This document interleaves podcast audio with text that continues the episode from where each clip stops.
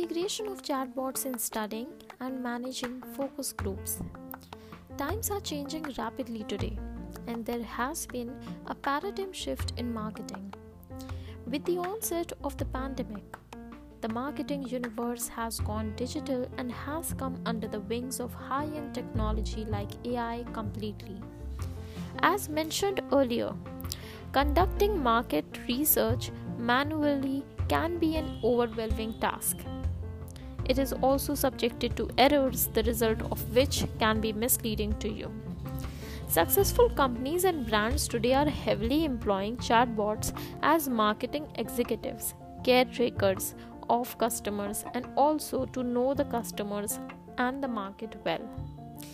Now we're going to see the benefits that the employment of chatbot for managing focus groups can yield. The first is personal attention. Consumers and customers, when engaged in conversation with a chatbot, start expressing themselves more frankly. This happens practically because chatbots don't judge people and hence yield unbiased results. The second is documenting everything. Chatbots, when set in conversation with the participants in the focus group, will record the entire session. This will record every bit and piece of the conversation, which will make your research appropriate and proper. The third is save time and money.